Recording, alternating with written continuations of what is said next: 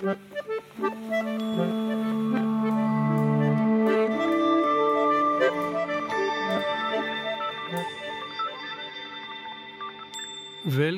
til podkasten Ytringsklima.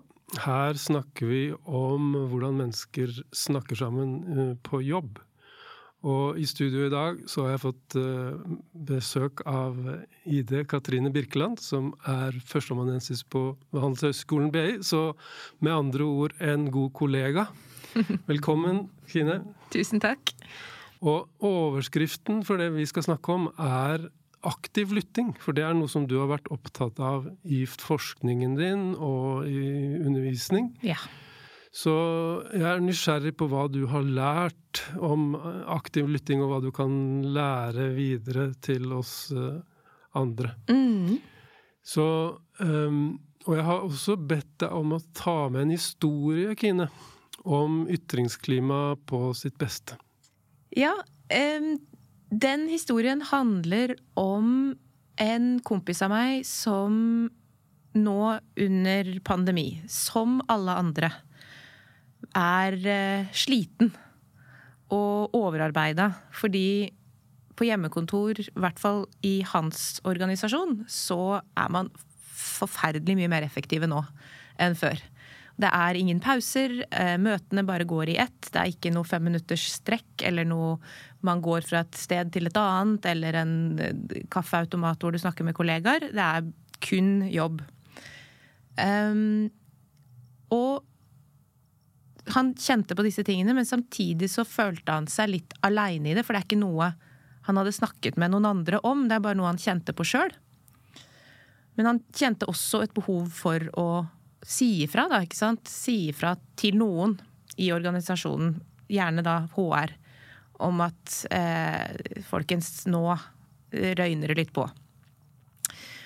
Og samtidig så kjente han på en litt sånn Han var litt flau over å ha de følelsene. Han følte seg, Fordi ingen andre hadde snakka om det, ikke sant? så følte han seg ganske pinglete. Og liksom tenkte at såpass bør man jo tåle. og sånn her, Det er jo likt for alle, og når ingen andre snakker om det, så er det sikkert bare meg som har det på denne måten. Så han var redd for at hvis han sa fra, så på en måte ville han bare bli avfeid og få et rykte på seg for å være ei pyse. Men så til slutt så tok han mot til seg og tok det opp med HR-sjefen, som eh, Liksom, han, han, opplevde at det ble ivaretatt sånn. Men ikke at det ble en sånn stor greie, men sånn så fint at du sier fra.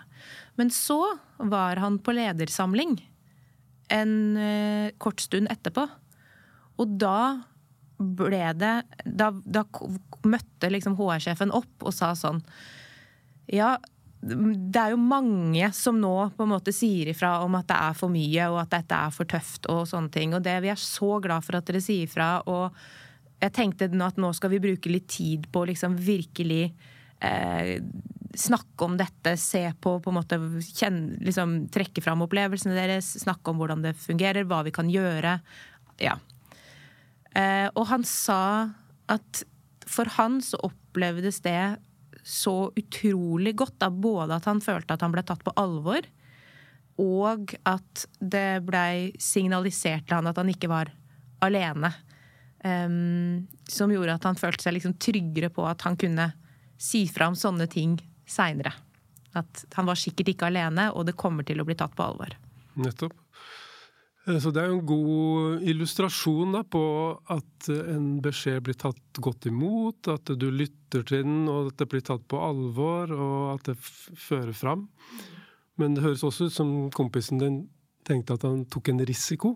Definitivt. For han hadde lyst, han har lyst til å være sånn som alle andre, eh, ikke sant? Og hans blikk på alle andre i akkurat dette er at det er ingen andre som klager på at de er slitne nå.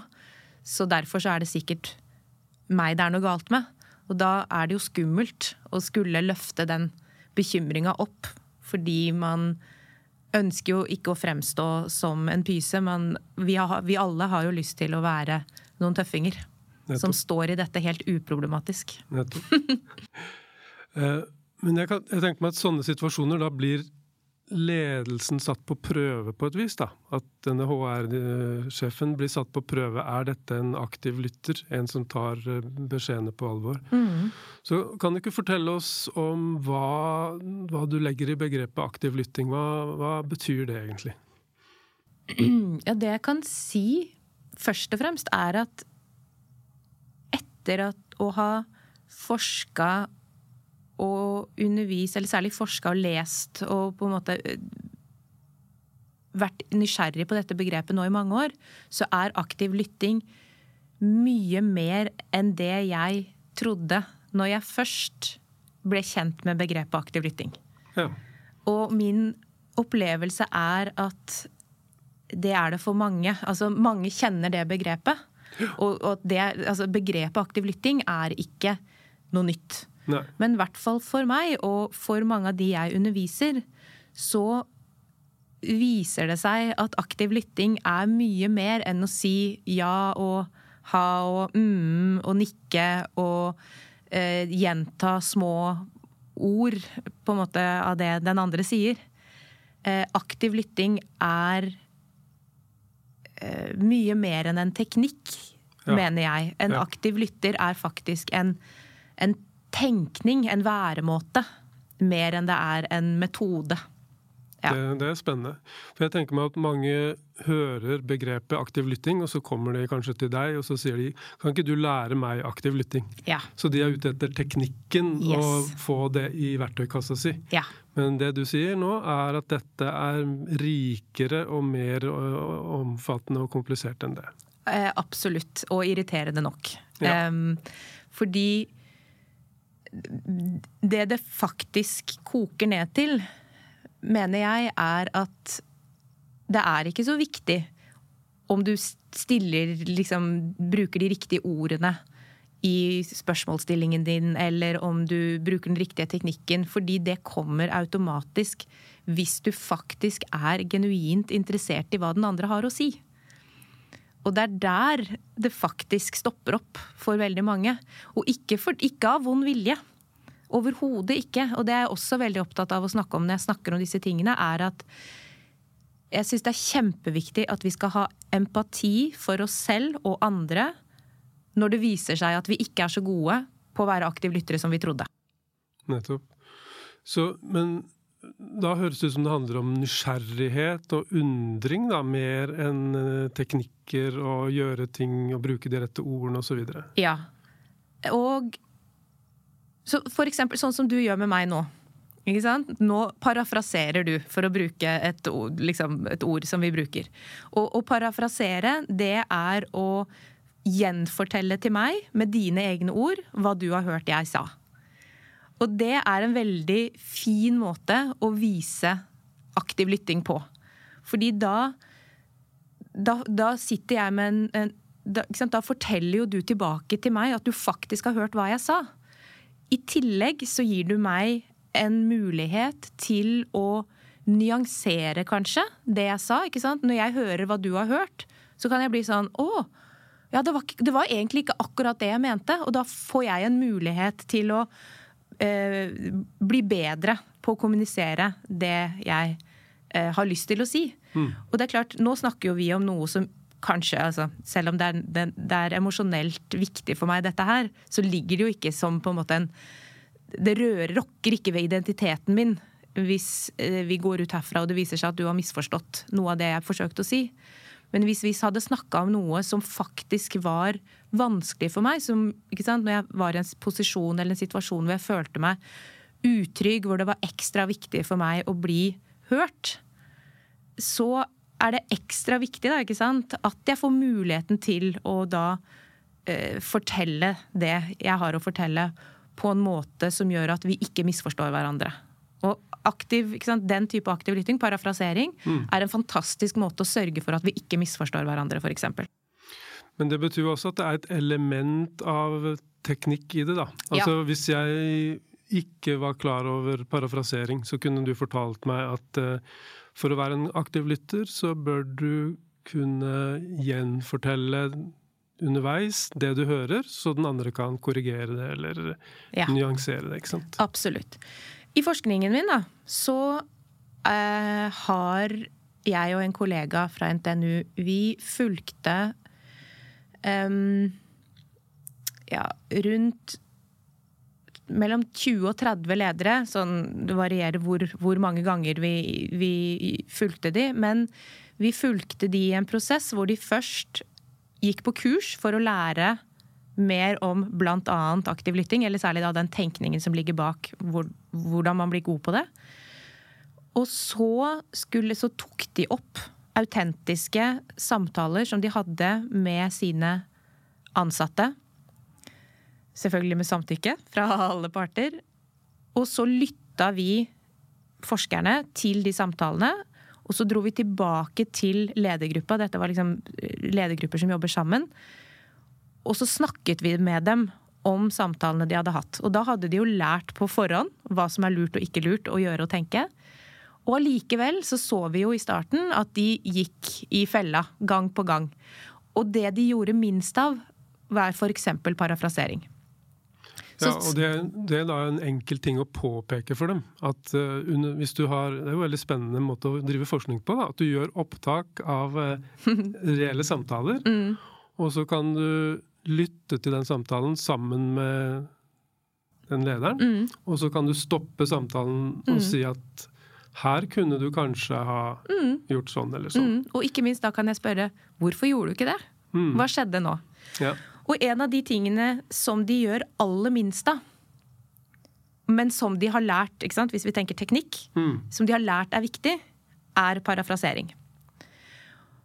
Og så spør vi da OK, det er interessant. Hvorfor? Her hadde du en gyllen mulighet. Altså her har du hatt en ansatt som har holdt en monolog for deg. Og sagt så mye om hvordan de har det, eller ja. Og dette, jeg glemte å si det at dette er jo også samtaler som de hadde grua seg litt på forhånd. De skulle bare ha samtaler som de kjente litt i magen før de skulle ha de. Så det er noe? Det er noe relasjonelt og emosjonelt som kan forkludre ting enda mer. For vi er jo bedre på dette når det er litt avstand. Um, så spør vi hvorfor parafraserte du ikke her? Og da er det særlig Det er tre grunner som, som dukker opp. Da. De, for det første så føler de det at det er litt uhøflig å skulle parafrasere. Fordi de tenker at det er litt sånn eh, fordummende. De har en idé om, og det her, nå kommer jeg til det som handler om tenkning. ikke sant? De har en idé, en, an, en antagelse om at hvis, hvis jeg nå på en måte skal gjenfortelle til deg hva du akkurat har sagt ikke sant? Det, det, det fremstår som litt sånn at vi begge to kanskje må få det inn med teskje, da, ikke sant? Og det er litt teit.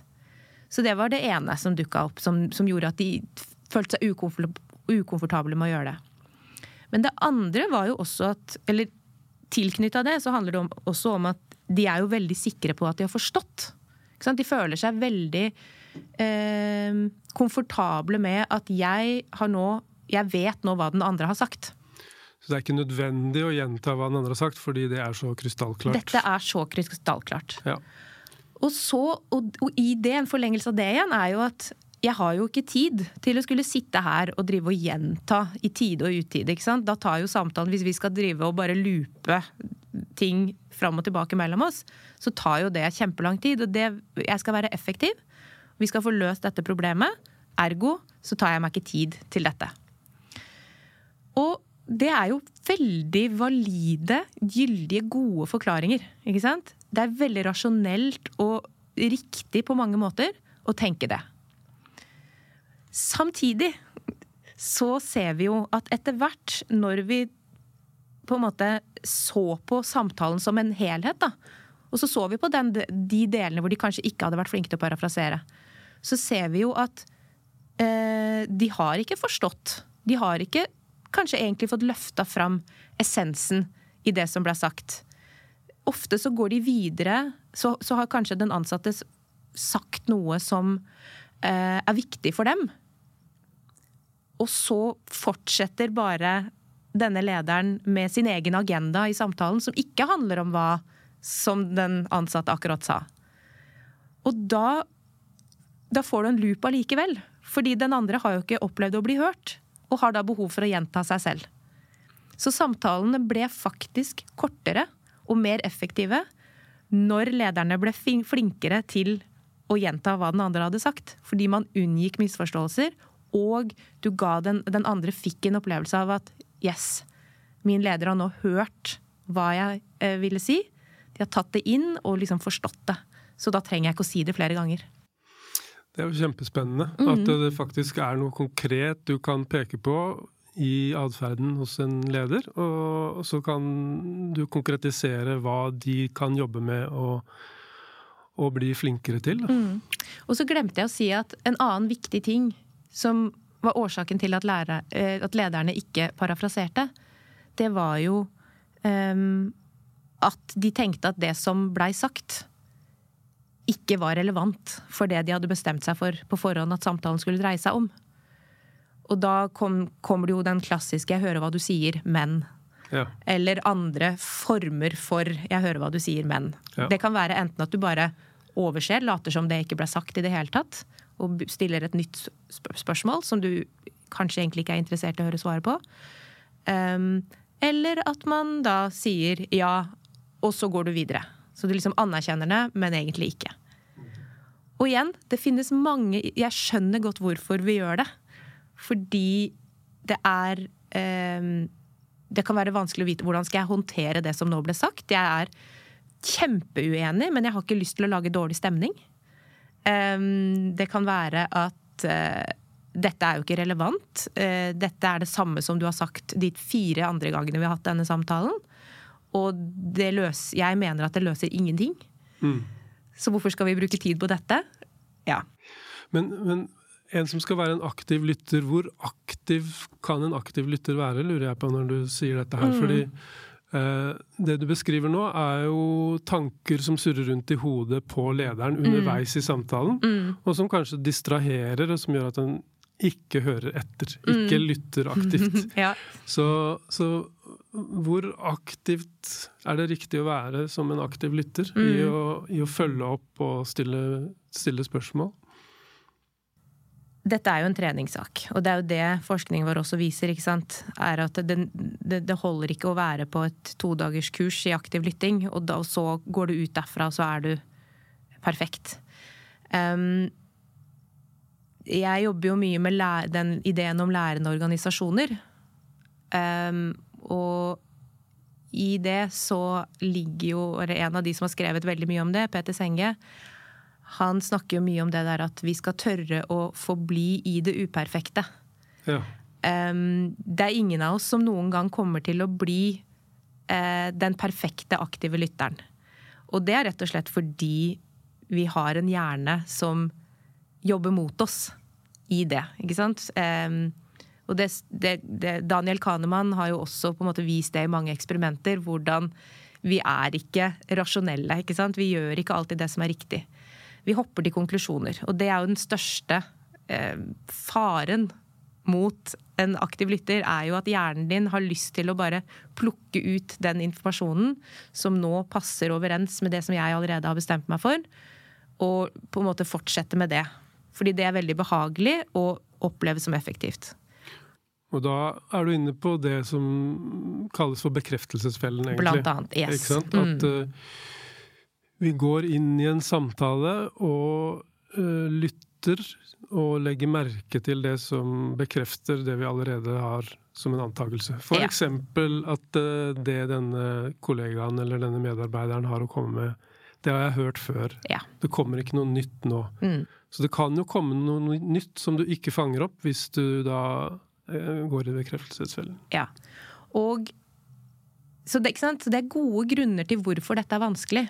Mm. Og derfor er det viktig å liksom akseptere det. At jeg kommer aldri til å bli perfekt på dette, men jeg skal etterstrebe. Så når du spør hvor aktiv skal en aktiv lytter være, um, så, så, så er jeg opptatt av at vi skal kanskje heller istedenfor å skulle liksom hyperanalysere underveis i en samtale, skal vi prøve å holde fast ved ideen um, vet, vet, jeg hva den andre forteller meg nå? Ikke sant? Har jeg skjønt det nå? Eh, og, og hvorfor tror jeg det? Hvilke begrunn, gode begrunnelser har jeg for at jeg Er det fordi du bare du sa det, og nå er jeg sikker? Eller er det fordi jeg har sagt sånn Du, nå sa du noe som var veldig annerledes enn det jeg hadde tenkt. Kan du fortelle meg mer om hva du tenkte nå? Eller OK, du sier at det er vanskelig for deg å komme tidsnok til disse møtene vi har. Um, fortell meg mer om hvordan du tenker liksom, knytt, Altså At mm. vi kan gå inn i og utforske det som blir sagt, da. Og gjennom det så unngår vi bekreftelsesfellen, og vi unngår misforståelser i større grad. Og det som ofte skjer, er jo at det åpner seg opp en beskrivelse av den samme virkeligheten som jeg ikke hadde tenkt på. Ikke sant? Å ja, jeg visste ikke at eh, din på en måte hverdag før vi skal ha dette møtet, er sånn og sånn. Det kan vi jo endre på. Eller eh, denne HR-sjefen da, ikke sant, kan si å ja, jeg visste ikke at måten du bor på gjør at det er ekstra vanskelig for deg å liksom få disse pausene, at du har en skrikende unge i bakgrunnen, eller ikke sant. Mm. Det er jo en del som, som kan dukke opp, da, når vi klarer å lytte aktivt. Som kan gjøre at vi kan bli mer effektive i en problemløsning. Jeg tenker meg nå at Spørsmålet mitt er jo egentlig helt håpløst. altså Hvor aktiv skal en aktiv lytter være? For Svaret er jo 'det kommer an på'. Å, det er alltid det med forskere, vet du. Ja, det kommer sant? an på. Det kommer an på. Ja. Men jeg, når jeg hører deg nå, så tenker jeg det minner meg om en, eh, et uh, prosjekt jeg har vært med på når vi har gjort uh, forskning ved et, et, sykehjem, hvor de klarte å, å blåse nytt liv i en, en arbeidsplass som lå nede. Og det de startet opp med, var å stille åpne spørsmål og være aktive lyttere. Og de fikk oppklart en del antakelser som mm. var helt mm. feil. Mm. Så de spurte beboerne på sykehuset hva er et godt liv for deg. Mm. Hva er det som er viktig for deg i hverdagen? Og da snakket de helt ned på detaljer om hva slags pålegg som burde ligge i kjøleskapet. Mm. Og der hadde de hatt noen helt vrange antagelser på forhånd om at det måtte være stor variasjon i pålegg. Mm. Og så fikk de greie på at eh, nei, det er ikke så viktig. Ost og skinke holder. Ost og skinke holder, ikke mm. Så uh, der tror jeg de var gode til å lytte aktivt for å få bekreftet eller avkreftet noen antagelser som de bygget uh, arbeidet sitt på. Da. Mm. Jeg syns det er gøy at du nevner åpne spørsmål. For det er jo også sant, en, noe vi lærer litt sånn i sånn grunn, Den grunnleggende lytteren skal stille åpne og ikke lukkede spørsmål. Og så blir jo jeg Skal jeg liksom mase litt igjen, og så sier jeg at ja, men vet du hva? Et åpent spørsmål kan være veldig lukka. Ledende spørsmål er jo et, et, en grusom greie som vi alle driver med. Og et ledende spørsmål er jo åpent i den forstand at det vil være mulig å stille et ledende spørsmål og få et langt svar, og ikke et avkreftende eller bekreftende svar. Men et ledende spørsmål er jo så lada i sin natur. Ikke sant? Eh, type Er du Hvordan Nei, la meg OK. Kan det hende at det ville være bedre å, for eksempel? Mm. Eller Um, tror du det var en god idé og Ikke sant? Altså alle disse spørsmålene som er så lada, mm. hvor den mottakeren skjønner jo at nå har jeg gjort noe feil. Nå er det noe som den andre som snakker med meg, ikke syns var greit. Men jeg må finne det ut sjøl. Og det er ganske respektløst og kjipt, egentlig overfor den andre. Mm. Og så er det ikke ment å være respektløst og kjipt. Ofte så kommer det f.eks.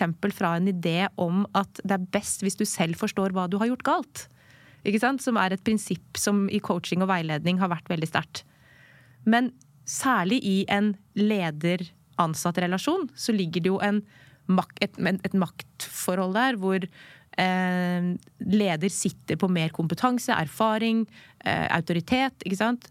som gjør at den ideen det fungerer ikke på samme måte. Så da er det bedre å bare si du, jeg syns at det var en dårlig idé.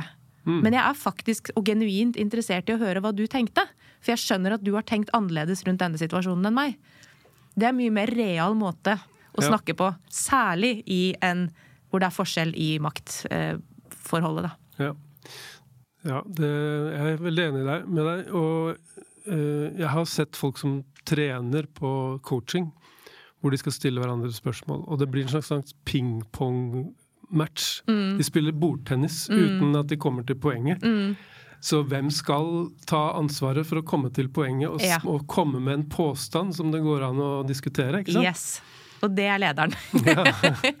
Eller, altså, det, det trenger ikke å være lederen, Mm. men det er lederens ansvar å sørge for Hvis vi på en måte knytter det tilbake til den aktive lyttingen, Mm. så er det jo lederens ansvar å sørge for at vi nå opererer i et klima hvor du som ansatt også kan komme med en påstand, eller ikke minst være genuint uenig i hva jeg sier, og si det høyt. Og så kan jeg si 'det var interessant', ikke sant? Nå har du tenkt annerledes på dette enn meg. Her er mine argumenter, få høre hva du har tenkt. Ikke sant? Nettopp. nettopp. Jeg, eh, jeg syns dette har vært en veldig lærerik eh, og fin samtale. eh, Og noe av det jeg sitter igjen med, er at vi må prøve å komme vekk fra den innstillingen om at det handler om å lære seg en teknikk.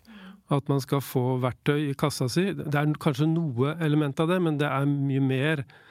Og da handler det om nysgjerrighet og undring og det å, gå på jakt i den andres historie, på en måte. Ja, og hvis jeg bare kan få spesifisere det litt, for det er jo det som Det er det som ofte stopper oss, er at altså når vi har jobba med disse lederne, når vi på en måte kommer tilbake til dem og spør hva skjedde her, så innser de jo De trodde selv at de var genuint interessert, men så innser de jo at de var egentlig ikke det. De hadde, de holdt veldig fast i den planen eller de på en måte konklusjonene som de allerede hadde satt. Nettopp. Mm. Jeg har et uh, avslutningsspørsmål til deg, Kine. Uh, fordi jeg kjenner en del folk som er veldig gode aktive lyttere. Og et sukk som kommer fra folk som er skikkelig gode aktive lyttere, er hvem er det som skal lytte til meg? så, så det er aktive lyttere som savner, andre, savner en aktiv lytter. Altså de havner veldig ofte i rollen av å være den lyttende parten som legger hodet på skakke, og som er, gjerne vil høre hva du opplevde i går, og som er gode til å stille oppfølgingsspørsmål. Og så når de selv skal fortelle noe, så er det taushet, på en måte. Så jeg vet ikke om du har vært borti dette, men, men eh, jeg, jeg har lurt på hva jeg skal si til de aktive lytterne som kommer med dette hjertesukket, da. Eh, Fordi jeg tenker meg at de, de må tørre å ta plass, de også. Og så si at jeg har også noe jeg vil fortelle deg. Og jeg håper du kan møte meg med samme nysgjerrighet. Mm. Ja, og jeg tror ikke jeg har noe bedre råd enn det. Nei. Men det er jo Altså, det er jo Noen er jo veldig naturlig mye flinkere på dette enn andre. Men dette er jo noe som kan læres og trenes på. Men det er jo slitsomt. Det er- jo innmari Hvis du har har liksom gått rundt og levd veldig behagelig i, den, i konklusjonene dine, og på en måte hatt hoppa i bekreftelsesfellen både her og der, men ikke vært klar over det, så er det jo slitsomt å skulle åpne opp en verden hvor, hvor du må på en måte sette spørsmålstegn ved, ved alt, da oppleves det som i starten, ikke sant? Mm. Eh, Men det betyr jo ikke at det er, det er umulig. Så mitt kanskje dårlige tips er jo da at ta den plassen og forvent og liksom prøve å hjelpe andre til å bli gode på det sammen med deg. Nettopp. Og det krever også mot. Og så skjære igjennom og si, vet du hva, nå er det din tur til å lytte. Ja. Eh, Men tusen takk for at du var med i studio, Kine. Eh, Dette har vært en halvtime hvor eh, jeg har lært nye ting om aktiv lytting. Takk for at jeg fikk lov å være med.